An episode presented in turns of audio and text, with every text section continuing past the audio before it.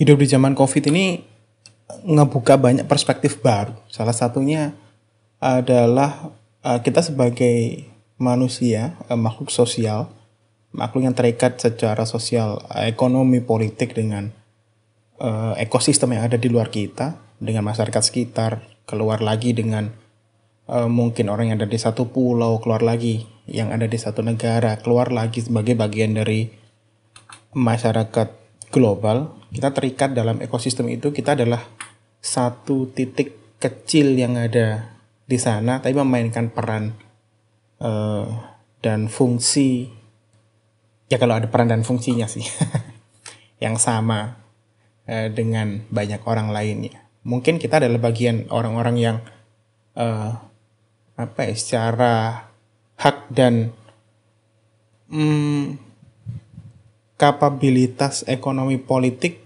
uh, bukan ada di orang yang menentukan kebijakan satu negara, kemudian menentukan arah uh, pergerakan ekonomi dan seterusnya. Mungkin orang yang mendengarkan ini adalah orang-orang yang ada di kategori itu. Maksudnya kategori ya, we're just regular people, ordinary people. Tapi dalam di zaman COVID justru ordinary people makes uh, a big differences ketika kita ngomong soal uh, pandemi kita sedang terancam. Atau setidaknya kita sebagian dari kita ada yang merasa terancam karena tidak semua orang uh, merasa terancam dengan pandemi. Ada ada juga orang yang yang ngerasa bahwa pandemi is not real masih ada sampai sekarang. Right after satu tahun kita merayakan tanda kutip ulang tahun covid yang ada di Indonesia Iya, setelah satu tahun masih ada orang yang tidak percaya. Apalagi kemudian disusul dengan vaksin, problematika vaksin. Kemudian, ya di sana ada juga perdebatan. Ada orang yang percaya, ada orang yang tidak, ada yang willingly uh, offer themselves to get vaccinated. Ada satu lagi yang tidak, yang merasa itu tidak perlu, dan seterusnya. Ya, but that's that's the the reality of social life, uh, social political life akan banyak relativity di sana akan banyak pandangan dan pendapat di sana. And everyone's basically free to express themselves. I don't know maybe that's the good the good uh, uh, effect or uh, bad effect of democracy. I don't know. You guys tell me. Nah salah satu yang ramai juga adalah soal uh, apa bahwa covid ini dipakai oleh eh dipakai di apa istilahnya ya di konstruksi eh itu terlalu akademik dihasilkan atau uh, ya dibuat lah dibuat lah oleh elit global. Elit global. Ini ngomong ini nggak selesai selesai. Dibuat oleh elit global. Uh, tujuannya adalah untuk uh, pakai nyetir arah dunia untuk bisnis dan seterusnya. Dah ya dan and the conspiracy goes on and on Kemudian yang menarik dari situ adalah uh, orang mulai berpikir ulang tentang cilah kayak ada yang mau mikir. Uh, orang mulai berdiskusi lagi mengenai uh, security, apa itu security dan seterusnya. Kemudian kita sampai pada bahasan yang agak spesifik, COVID itu mengancam manusia sebagai human being, mengancam perekonomian negara, mengancam stabilitas politik negara uh, atau mengancam sistem internasional atau mengancam apa nih? Kan banyak diskusi-diskusi yang uh, ngejawab men mencoba mencoba ngebedah soal ini nih. Uh, Covid dampaknya terhadap human uh, a society apa? Kemudian dampaknya terhadap negara apa? Uh, dampaknya terhadap biasanya orang-orang HI ngebahasnya melalui uh, international relations post Covid kayak ada posnya aja. Jangan-jangan COVID ini uh, permanen. I, I, I don't know. Tapi itu kan ya selalu kejadian dengan dengan penyakit ya apa pun ya. Uh, we're gonna learn, yo, know, we're basically gonna learn to live with them whatsoever. Uh, uh, they never disappear. they will be around us. Kita cuma punya uh, untuk penyakit yang berbahaya, yang penyakit yang lethal, kita punya proteksi diri yang lebih bagus saja buat buat dia. uh, misalkan dengan vaksin. Nah, dulu kejadian tahun 60-an dengan poli, uh, vaksin polio dan seterusnya. Uh, balik konsep security. Nah, konsep security ini juga jadi perdebatan yang menarik. Akhirnya orang mulai raise isu lagi soal human security. Uh, ini nih jelas uh, dua kutub yang beda nih perdebatannya. Menyelamatkan ekonomi negara kalau di Indonesia ya konteksnya adalah narasi yang berkembang adalah menyelamatkan either you menyelamatkan ekonomi negara atau memprioritaskan kesehatan masyarakat. Nah ini debat yang yang wow never uh, endless endless debates gitu. Jadi orang ketika ke pemerintah mengambil kebijakan yang I presume sebagai tidak pop populis, uh, dia menyelam dia mencoba memberi insentif pariwisata yang kapan hari membuka kembali uh, destinasi wisata dengan dengan dengan protok, menerapkan protokol kesehatan yang ketat. Nah, itu itu sekarang jadi kata kunci tuh. Acara apa pun yang offline sekarang dengan menerapkan protokol kesehatan yang ketat. Walaupun eh, ya itu theoretically bagus sih, tapi eh, pelaksanaan dan ketaatannya di bawah perlu dicek ulang deh kayaknya. Bisa nggak pakai yang itu? But anyway, uh, ada dua kutub. Yang pertama uh, stage uh, perspektif yang kesan yang ditangkap publik adalah ini prioritasnya ekonomi. Walaupun ya kita semua tidak masuk ke proses pengambilan kebijakan, kita tidak punya kuasa di sana, tapi ya kayaknya arahnya ke sana deh. banyak orang teriak-teriak nggak bisa makan, banyak orang-orang. Orang kemudian ya suffering secara penghasilan. Tapi kemudian di sisi lain ada desakan yang luar biasa untuk uh, come on this is pandemi. Orang orang bisa mati semua kalau nggak ada ini nggak ada penanganan yang serius di bidang kesehatan. Tapi jadinya kayak uh, tarik menarik begitu kan ekonomi atau kesehatan bah, harusnya kan enggak ya harusnya kan kalau kita kita punya society yang sehat yang kuat kemudian ekonomi juga bakal bergerak tentu saja dengan insentif pemerintah dan uh, dan uh, bantuan pemerintah dan seterusnya. Tapi kalau society-nya tidak diprioritaskan, uh, ya ekonomi siapa yang mau ngejalanin, gitu kan? Nah akhirnya kalau ini ditarik mundur lagi, debatnya soal lockdown atau tidak dan seterusnya. Wah panjang sekali ya, udah satu tahun lebih. Capek nggak sih hidup kayak gini? Namanya pakai masker. Ya, kalau di sini masker jadi jadi uh, style ya nah, apa karena banyak polusi kali jadi kayak apa uh, ya daily style aja yang ribet tuh ya nggak bisa ke mana-mana udah capek kayaknya di rumah. Nggak bisa kalau keluar ke sana. Kalian ada yang ngerasa nggak sih kalau kita jalan ke mana terus kemudian foto misalkan foto di mall atau di tempat rame kemudian kita upload di media sosial which is right it, maksudnya itu itu hak kan? Kita bikin sosmed ya buat dihidupi gitu kan. Secara ini ya mungkin ada yang nggak nyaman tapi itu sebagian orang lah. Ketika diupload itu dan kita seolah-olah uh, ada di sekumpulan orang dan dan apa bertentangan dengan norma baru yang muncul saat covid yaitu di rumah aja itu kayaknya ada yang oh something is wrong something is missing kayaknya aneh deh upload begini Gitu nggak sih? Atau cuma saya ya? Ya, itulah. Terus akhirnya debat balik lagi ya, debat soal security tadi mulai mulai muncul lagi. Kalau kita ngomong soal perekonomian negara, sistem politik negara, itu biasanya orang e, ngelihatnya ya ini yang diprioritaskan adalah keamanan negara nih. Tapi kalau kita ngomong soal pandemi, pandemi dampak kesehatan, dampak uh, apa namanya terhadap ancaman terhadap nyawa dan seterusnya yang fokusnya di manusia orang bilangnya nah ini baru konsentrasinya ke human security padahal mungkin tidak semua orang paham apa itu human security. Iya uh, seperti konsep-konsep politik uh, yang uh, yang lain political konsep yang lain human security pun tidak tidak terlalu clear uh, batasannya dan definisinya. Hell semua konsep uh, HI kayaknya begitu deh. Uh, you name it uh, apa pun yang yang kaitannya dengan teorisasi, kaitannya dengan uh, ya konsepnya kaitannya dengan sosial politik, kayaknya semua uh, loose sekali, tidak ada definisi yang pasti karena semua bisa didebat.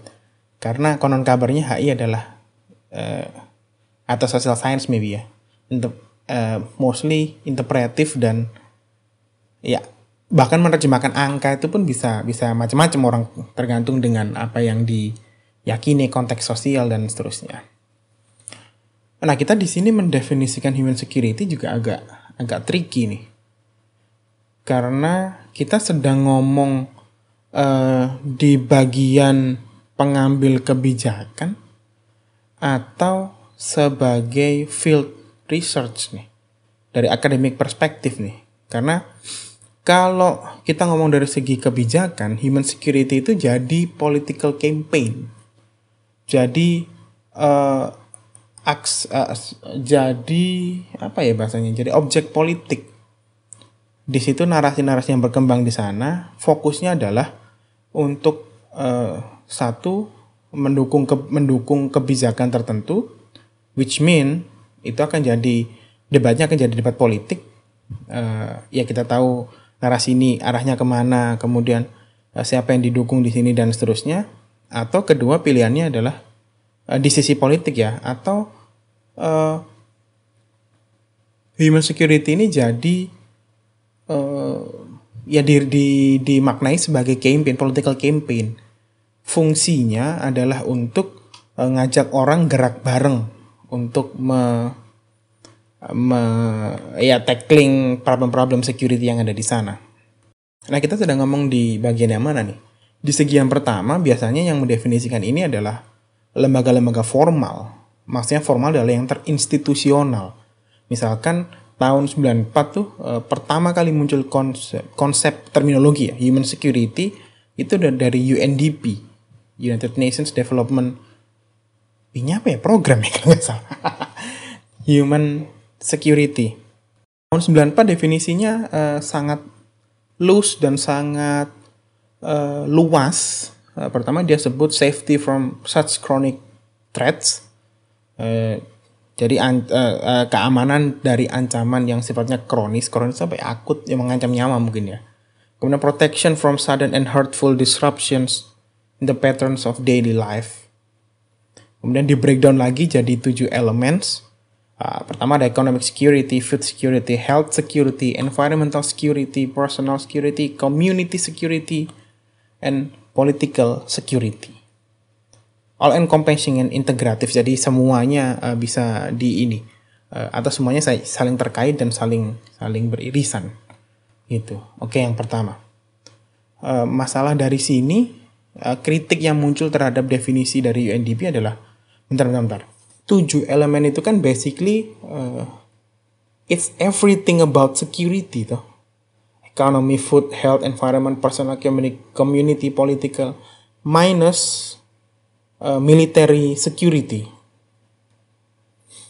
jadi kesan yang ingin dimunculkan sepertinya dari diskusi tahun 94 ini adalah bahwa ya human security itu everything except military problems atau military security jadi uh, kesannya muncul adalah jukta posisinya begitu. Jadi ketika ada military security itu include ke traditional security yang bagian uh, human security itu masuk ke uh, tujuh sorry tujuh elemen tadi itu masuk ke human security. Oke, okay? jadi uh, in short menurut UNDP uh, kalau saya terjemahkan dari perspektif saya ini kan uh, human security is everything about security except military security? I don't know. I'm not really sure about this. But it's possible. Uh, kalau dibayangkan dengan perspektif sekarang arahnya ke sana. Kemudian setelah UNDP ini yang yang uh, muncul juga adalah dari pemerintah Jepang. Nah ini notesnya juga pemerintah, legal formal institutions. Oke, okay. government itu legal formal institutions beda dengan uh, misalkan policy eh policy lagi society kenapa jadi policy sih society beda dengan society kan tidak terinstitutionalisasi ya. Itu community based atau dengan bisnis uh, apa? Namanya bisnis uh, entity misalkan. Itu uh, logikanya beda. Logika di sini logika politik.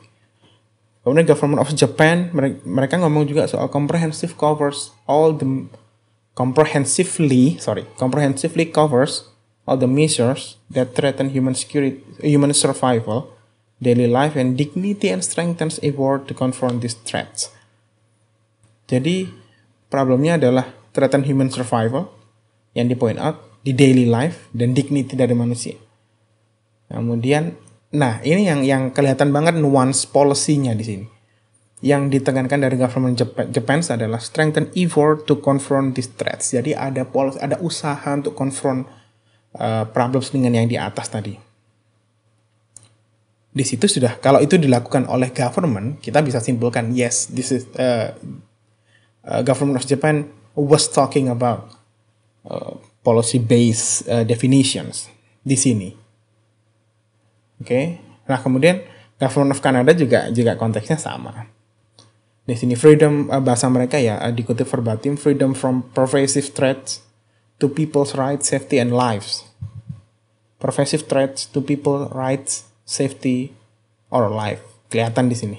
Include, nah ini includes nih, safety from physical threats, the achievement of an acceptable, acceptable quality of life, a guarantee of fundamental human rights, the rule of law, good governance, social equity, protection of civilians in conflict, sustainable development. Ada banyak uh, luas sekali definisi dari human security. Dan kelihatan lagi di sini yang dibayangkan oleh pemerintah Kanada adalah uh, policy based definitionsnya. Oke. Kemudian ada Human Security Network juga dari gabungan-gabungan antara uh, banyak negara, Kanada, Norwegia, Jep, Jep, Japan, kemudian dengan INGO, INGO uh, juga bikin uh, Human Security Network. Mereka kemudian merumuskan definisinya juga strengthening human security with a view to creating a more humane world where people can live in security and dignity free from want and fear. Ini poin yang yang menarik, free from from want and fear. And with equal opportunities to develop human potential to the full.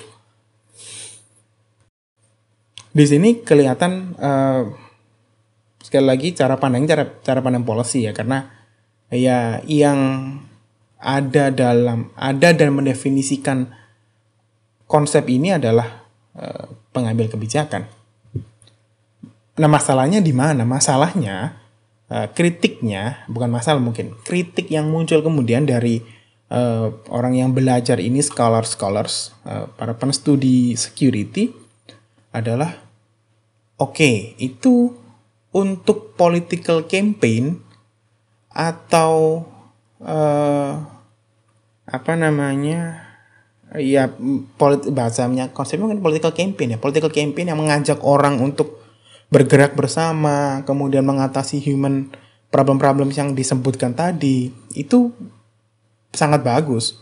Karena persuasif, komprehensif dan sebisa mungkin um, menjangkau imajinasi dari masyarakat, imajinasi dari banyak orang. Karena konsep-konsep tadi kan broad sekali ya, luas sekali. Dan menjangkau uh, ketika itu disampaikan ke publik, campaign yang bagus adalah itu bisa ngebuat orang berpikir bahwa oke okay, this is this is the problem we have a problem in this one.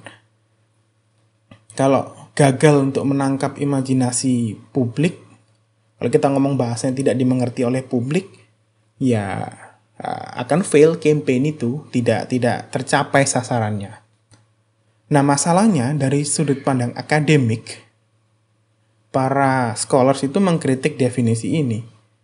Kenapa? Karena kalau kita ngomong dari perspektif akademik, konsep itu kan harus sangat niche, sangat uh, spesifik, sangat saya mau pakai bahasa terukur tapi kayaknya nggak nggak juga apa ya oke lah kita pakai terukur artinya terukur itu batasannya jelas yang barang yang dimaksud jelas sehingga bisa dilihat dampaknya misalkan sebabnya batasannya jelas kalau kita ngomong uh, kalau kita mau riset soal apa ya e, makanan gitu kan. Makanan itu kan banyak sekali konsepnya. Kalau kita mau e, oke okay, kita ambil contoh makanan. Makanan sebagai political uh, rally, political campaign, misalkan uh, jargon yang diingat adalah oke okay, kita harus uh, ngambil makanan itu secukupnya agar tidak terjadi food waste, agar tidak terjadi uh, pembuat apa, ya agar nggak buang-buang makanan deh katakanlah. Kemudian uh, itu bisa menjangkau lebih banyak orang karena ya makanan setiap orang kan beda di sini orang makan nasi di sana makan sagu misalkan teman-teman di timur Indonesia yang lain makan jagung dan seterusnya. Kalau kita ngomong makanan, mungkin itu akan akan memainkan atau menangkap imajinasi masyarakat yang berbeda dan jangkauannya pun lebih luas. Tapi kalau kita ngomong dari sudut pandang akademik, saya mau riset soal bagaimana misalkan saya mau meneliti soal bagaimana dampak uh, gimana ya? Bagaimana dampak uh, ketika ini ini ini uh, kasar saja ya definisi kasar uh, contoh kasar lah contoh ngasal aja dulu bagaimana ketika saya mau riset ketika orang itu buang-buang uh, nasi misalkan uh, gimana itu dampaknya terhadap uh, apa ya petani uh, gabah beras misalkan petani padi misalkan atau produsen gabah itu kan sangat spesifik. Oke, yang saya omongkan adalah nasi. Nasi itu definisinya ini, bentuknya ini, ukurannya ini, yang bukan nasi itu kelihatan yang mana. Kemudian petani gabah itu yang mana, yang ditanam ini bentuknya definisi uh, kalau kuantitatif, kuantitatif ada definisi operasionalnya ini, kalau kualitatif batasan dari teorisasi dan konsepnya ini uh, jelas bentuknya, jadi dampaknya bisa dipotret dengan ini lengkap. Tapi kalau saya ngomong dampak uh, bagaimana ketika orang-orang itu buang-buang makanan, dampaknya terhadap petani apa? Kan nggak jelas. Karena makanan itu kan banyak, apa pun bisa jadi makanan. Teman-teman di uh, Manado misalkan atau di uh, di Manado kayaknya yang terkenal ya. Semua yang berkaki empat konon kabarnya dimakan kecuali uh, meja dan kursi. itu makanan itu jadi sangat luas. Jadi saya jadi kalau sebagai posisinya researcher kita nggak bisa melihat dampaknya. Kita nggak bisa mengukur, mengukur melihat, me, menganalisis dampaknya dengan presisi. Karena bisa jadi dampak misalkan saya, saya ngomong konteksnya nasi dengan petani gabah, eh, petani padi maksudnya, dan produsen gabah itu nanti dampaknya akan beda ketika saya ngomong ketika orang membuang-buang eh, to, uh, apa ya daging misalkan terhadap peternak sapi. Bisa jadi dampaknya beda karena variabelnya beda karena konteks sosialnya beda dan karena perspektif yang digunakan mungkin beda kacamata yang kita bahas kemarin digunakan tuh beda. Ini kan dunia jadi kelihatan beda. Teori itu kan kayak kayak uh, apa? Iya perspektif sih mungkin. Tepatnya perspektif itu kan kayak kacamata. Kalau kita pakai hitam dunia kelihatan hitam. Kita pakai biru dunia kelihatan biru. Kita pakai realisme dunia kelihatan hitam misalkan. Karena konflik yang dipotret. Power play power politics. Kalau kita pakai uh, biru uh, dunia jadi kelihatan biru liberalisme mungkin yang dilihat adalah uh, wealth misalkan duit duit duit atau hijau deh biar biar uh, cocok sama yang ungkapan kalau uh, matanya hijau kalau lihat duit. nah dari sini kemudian muncul kalau human security itu semua tadi yang disebutkan di awal, which cover every aspect of security, kemudian yang bukan human security itu yang mana? Ini uh, cara pandang khas dari uh, orang-orang konstruktivis uh, dan beyond ya, maksudnya postmodern dan seterusnya. Kalau human security itu mencakup ekonomi, politik, dan seterusnya yang kaitan dengan security, yang bukan apa? Karena logikanya adalah kalau kita uh, misalkan di di satu populasi, di satu uh, satu ruangan misalkan ada 10 orang, kemudian satu semuanya punya duit 10 juta, persis tepat 10 juta. Ya, posi, uh, jadi duit 10 juta di ruangan itu tidak ada value-nya karena value itu kan muncul dari perbedaan kan. Dari diferensiasi, dari uh, selisih, dari penambahan dan seterusnya. Perbedaan nilai. Kalau misalkan jadi semua uh, jadi 10 juta itu jadi basic value, jadi tidak tidak punya value. Nah, kalau misalkan uh, di satu ruangan itu satu orang punya duit 10 juta, yang lain punya duit 5 juta, kita bisa safe mengatakan si orang yang punya 10 juta ini lebih kaya dari yang punya duit 5 juta karena asetnya lebih banyak, capitalnya lebih gede misalnya. Nah, jadi duit 10 juta tuh punya value lebih dibandingkan dengan yang 5 juta. Kita bisa mendefinisikan kaya di ruangan itu dengan alat ukurnya, alat uh, indikatornya adalah ya duit 10 juta tadi. Dibanding yang lain yang cuma punya 5 juta. Selisih kapital itu yang jadi uh, penanda gitu kira-kira. Nah, kalau di konsep pun demikian. Untuk menggunakan konsep yang uh, real, yang operasional dalam penelitian, kita harus bisa bedakan yang lain kan. Makanya dalam riset itu biasanya ada theoretical stance, ada teorisasi, ada tinjauan teoritik, untuk memastikan bahwa konsep-konsep yang kita pakai itu tidak overlap dan jelas mana dimaksud. Karena dalam social science konsep kan tidak tunggal. Yang disebut dengan re, uh, liberalisme misalkan. Liberalisme itu ada yang menyebut dengan ideologi, ada yang mengaitkan dengan ideologi, kita sering bilang bahwa Amerika Serikat adalah negara yang menganut paham liberalisme, ya nggak sih? Masih ada yang menyebut begitu nggak sih? mungkin itu identiknya adalah dengan free trade, dengan logika pasar, pasar bebas, dan seterusnya. Tapi kalau konsep akademik eh, di HI misalkan liberalisme ya, kita ngomong cara pandang, analisis terhadap masalah. Nah konteksnya kan sudah beda. Makanya perlu di, perlu didefinisikan dengan uh, presisi. Kira-kira gitu. Atau setidaknya berangkat dari titik yang sama. Departure pointnya itu sama. Nah dari situ kritik ini muncul. Jadi ya kalau semua aspek itu masuk human security yang bukan yang mana? Gimana kita bisa tahu?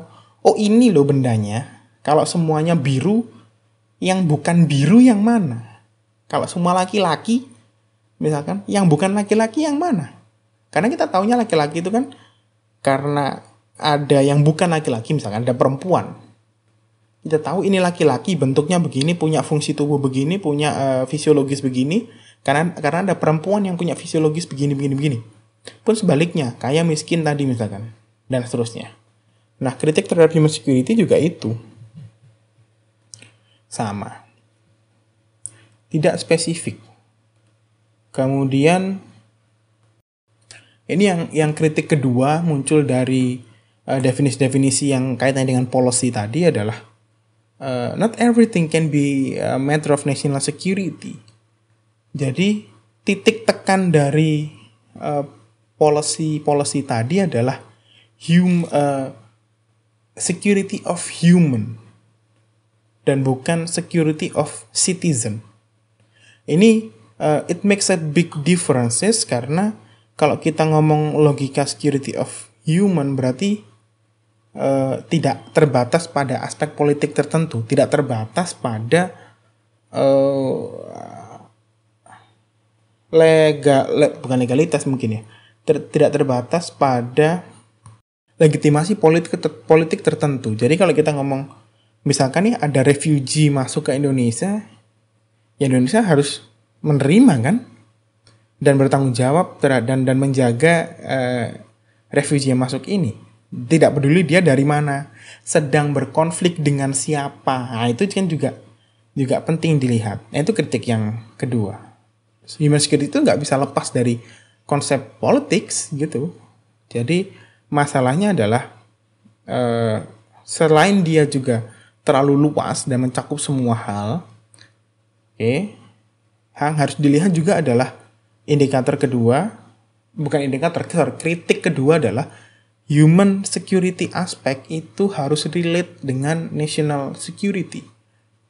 Jadi economic security kalau uh, ininya terlalu kecil, dampaknya terlalu kecil biasanya tidak bisa dimasukkan sebagai alat sekali lagi tidak bisa dimasukkan sebagai alat analisis atau uh, atau unit analisis mungkin yang lebih tepat uh, untuk diteliti sebagai fenomena human security. Oke, okay? tapi dari sisi political campaign nggak ada masalah, fokusnya di sana. fokusnya memang untuk mengajak orang misalkan tackling uh, problems dengan security uh, dengan ekonomi misalkan misalkan kalau ada tetangga kita campaign misalkan kalau ada tetangga kita tidak mampu uh, kita sebagai tetangga wajib membantu atau kita mengusahakan bantuan dari pemerintah untuk mendata orang ini dan seterusnya itu dari sisi campaign gak ada masalah dari sisi campaign uh, that's the right things to do tapi dari sisi akademik it will be problematic enough kalau tidak ada ukuran dan tidak ada uh, batasan konsep yang jelas. Karena nanti analisisnya pasti miss. Simpulan yang dihasilkan tidak akurat dan seterusnya. Itu kritiknya. Oke. Okay? Nah, caranya cara untuk me apa namanya me mengakali mengakali overcome itu apa sih bahasa Indonesia? Me mengatasi, sorry, kenapa jadi mengakali? Mengatasi problems ini adalah konsepnya dikecilin. Oke. Okay? Misalkan uh, King and Murray di di uh, re, di reading situ tahun 2000 dia ngomong bahwa fokus aja di essential elements deh. Oke. Okay? Important enough to be fight over atau to put their life or property at risk. Jadi human security itu uh, usul dari si King and Murray tahun 2000 adalah uh, ngomong soal esensial esensial elements saja. Oke, tidak usah yang lain-lain. Indikator esensial elements itu apa? Ini penting nggak bagi orang-orang yang merasakan dampaknya untuk diperjuangkan? Untuk uh, apakah terpenting untuk mereka sorry, cukup pentingkah bagi mereka untuk mempertaruhkan nyawa dan uh, harta mungkin? Properti. Properti itu bahasa Indonesia. Ya properti. Uh, mempertaruhkan harta dan nyawa mereka untuk memperjuangkan value yang di ini. Oke. Okay? si Kings and Murray misalkan ngomong ya poverty health education political freedom demokrasi itu saja yang menurut mereka penting. Jadi nggak usah yang lain-lain environment dan seterusnya itu itu urusan lain misalkan gitu itu terlalu luas kemudian uh, Kanti Bajpai Nah, di, di situ ada. Kemudian ngecilinnya lewat human security audit caranya.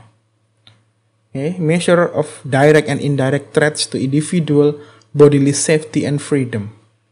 Dan yang penting setelah kita ngomong soal bodily safety and freedoms, ada uh, ancaman terhadap uh, bahasa Indonesia apa? Ya, jiwa dan raga dan dan kebebasan uh, sebagian uh, sekelompok orang dan yang kedua adalah measure of society's capacity to deal with these threats. Jadi kapasitas society-nya juga penting. Society yang orang yang merasa menjadi dam, uh, sorry, merasa menjadi korban dari kondisi ini, apakah mereka mampu overcome problemsnya? Kalau mampu, ya nggak jadi nggak jadi masalah human security. Kalau tidak mampu dan menimbulkan dampak berkepanjangan, that's problems of human security menurut si Bajpai. Gimana bacanya Bajpai? Kanti. Nah itu itu usulan-usulan. Oke. Okay? Nah kemudian yang yang ketiga dari Roland Paris itu tulisan tahun 2000 sih 2001 kayaknya Roland Paris ini.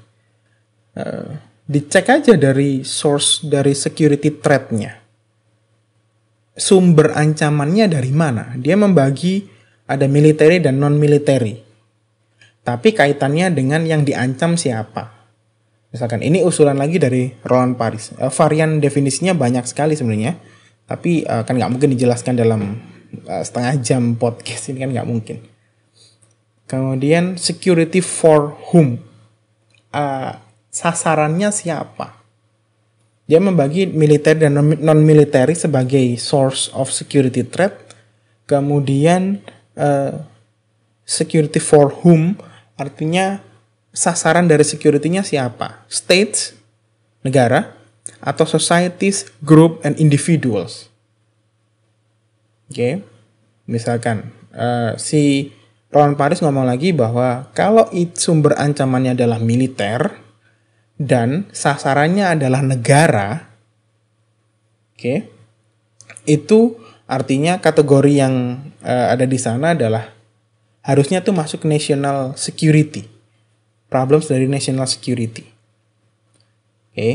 Yang kedua, kalau ancamannya militer atau non militer atau dua-duanya, oke, okay, dan sasarannya adalah negara, itu uh, kategori dia di sini dia mengkategorikan sebagai redefine security, misalkan environmental security, economic security dan seterusnya. Jadi bukan human security. Oke, okay, tapi uh, kategori ketiga dia ngomong bahwa kalau isu eh isu lagi kalau uh, sumber ancamannya adalah militer dan sasaran anca sasaran ancaman teror atau ya ancaman yang yang pas ya ancamannya adalah society, group dan individuals itu adalah intrastate security. Contohnya civil war, ethnic conflict dan democide uh, democide itu mungkin ini ya uh, penetrasi dari negara lain ya. Bedanya dengan genocide. Kalau genocide kan dilakukan oleh governmentnya sendiri. Nah yang, nah yang terakhir ini baru masuk human security. Ancamannya dari militer atau non militer atau kedua-duanya. Tapi sasarannya adalah societies, groups, dan individu. Nah, itu baru disebut sebagai human security menurut si Roland Paris. Contohnya adalah environmental and economic threats to the survival of societies, group, and individuals. Nah, kalau pakai perspektif ini, kalau kita ngomong pandemi, uh, COVID, kan tadi bikin di awal kita ngomong debatnya adalah soal uh, ini menolong, mendukung uh, peng, pengembangan ekonomi atau mendukung kesehatan masyarakat gitu kan. Tapi dari sini kita bisa safely uh, argue berdasarkan statementnya dan dan argumennya si Roland Paris. Iya, pandemi is the matter of human security.